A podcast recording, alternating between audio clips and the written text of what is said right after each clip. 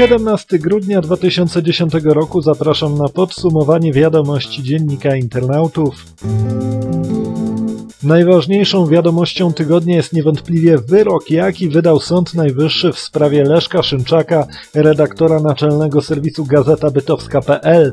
W środę sąd uznał, że prasa w internecie musi być rejestrowana, a ustalenia sądów niższej instancji co do prowadzenia prasy bez rejestracji były prawidłowe. Wyrok jest o tyle ciekawy, że nawet sam Sąd Najwyższy można teraz podejrzewać o wydawanie prasy bez rejestracji. Prawnik Piotr Waglowski, prowadzący serwis wagla.pl zauważa, że Sąd Najwyższy również prowadzi internetowy serwis informacyjny w sieci, a nazywa się on Aktualności. W zasadzie spełni on warunki, aby uznać go za prasę. Strony www bez rejestracji prowadzi także prezydent, premier, ministerstwa, posłowie. Te serwisy tak naprawdę nie różnią się znacznie od Gazety Bytowskiej.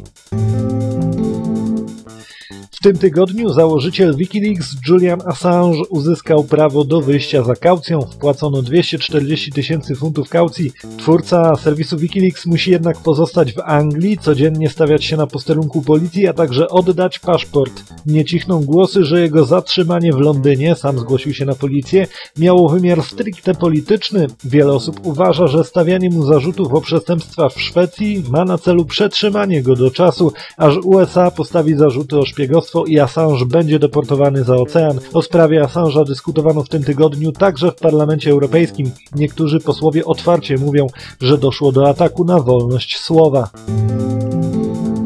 Urząd Komunikacji Elektronicznej wydał pięć decyzji regulacyjnych dotyczących operatorów komórkowych. Na ich podstawie stworzył nowy rynek hurtowy, rynek świadczenia usługi zakończania krótkich wiadomości tekstowych w poszczególnych ruchomych sieciach telefonicznych. Nie można wykluczyć, że podjęte przez UKE działania doprowadzą do spadku cen SMS-ów. Regulator stoi bowiem na stanowisku, że maksymalna uzasadniona cena hurtowa to 5 groszy. Dzisiaj jest to trzykrotnie więcej. Ci, którzy inwestują w budowę sieci, mało zarabiają w stosunku do tych, którzy na niej robią e-biznes. Tak uważa prezes UKE Anna Streżyńska, która zamieściła na stronie urzędu zaproszenie do dyskusji na temat przyszłych modeli funkcjonowania rynku. Praktycznie chodzi o dyskusję na temat neutralności sieci, czyli tego, czy dostawcy e-usług powinni dzielić się zyskami z operatorami, aby zachęcić ich do inwestycji. W USA debata na podobny temat toczy się od ponad 4 lat. Od przyszłego roku do katalogu e-deklaracji, które można już złożyć przez internet bez e-podpisu, dojdą kolejne cztery PIT-16, PIT-16A, PIT-19A oraz PIT-28. Z danych Ministerstwa Finansów wynika, że z roku na rok wzrasta zainteresowanie e-deklaracjami. W 2010 roku złożono ich około 3 miliony.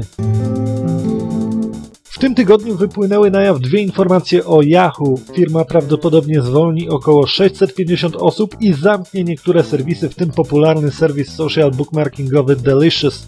Do sieci wyciekł zrzut z ekranu przedstawiający fragment webcastu Yahoo. Na tym zrzucie wymieniono usługi, jakie mają być zamknięte. Jest wśród nich Delicious, MyBloglog, AltaVista i Yahoo Buzz. Najbardziej żałować można zamknięcia Delicious. Ten serwis ma grono lojalnych użytkowników.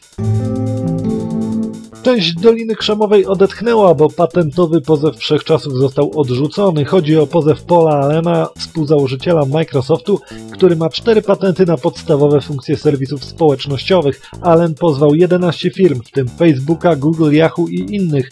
Pozew został odrzucony, bo nie wskazano produktów rzekomo naruszających patenty. Paul Allen zapowiada, że poprawi pozew i wznowi walkę w sądzie. Ten tydzień obfitował w ciekawe plotki. Pierwsza z nich pochodzi od azjatyckich producentów sprzętu, którzy dostarczą części do iPada 2, kolejnego tabletu Apple.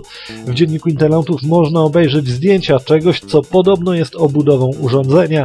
iPad 2 ma być mniejszy, będzie miał lepszy ekran i slot na karty SD. Druga ciekawa plotka dotyczy Microsoftu. Podobno na targach CES w Las Vegas ma on pokazać tablet z Windowsem 7, podobnie jak w ubiegłym roku. Tym tabletem ma być produkt Samsunga z wysuwaną klawiaturą. Więcej na ten temat w dzienniku internautów. Agresja w internecie może być zwalczana na początku przyszłego roku przez specjalnie powołany zespół. Jak to ma wyglądać według Prawa i Sprawiedliwości? O tym można się dowiedzieć czytając wywiad z posłem Andrzejem Jaworskim w Dzienniku Internautów. Można też poczytać o ciekawej akcji antypirackiej skierowanej do niemowlaków. Czytaj Dziennik Internautów www.d24.pl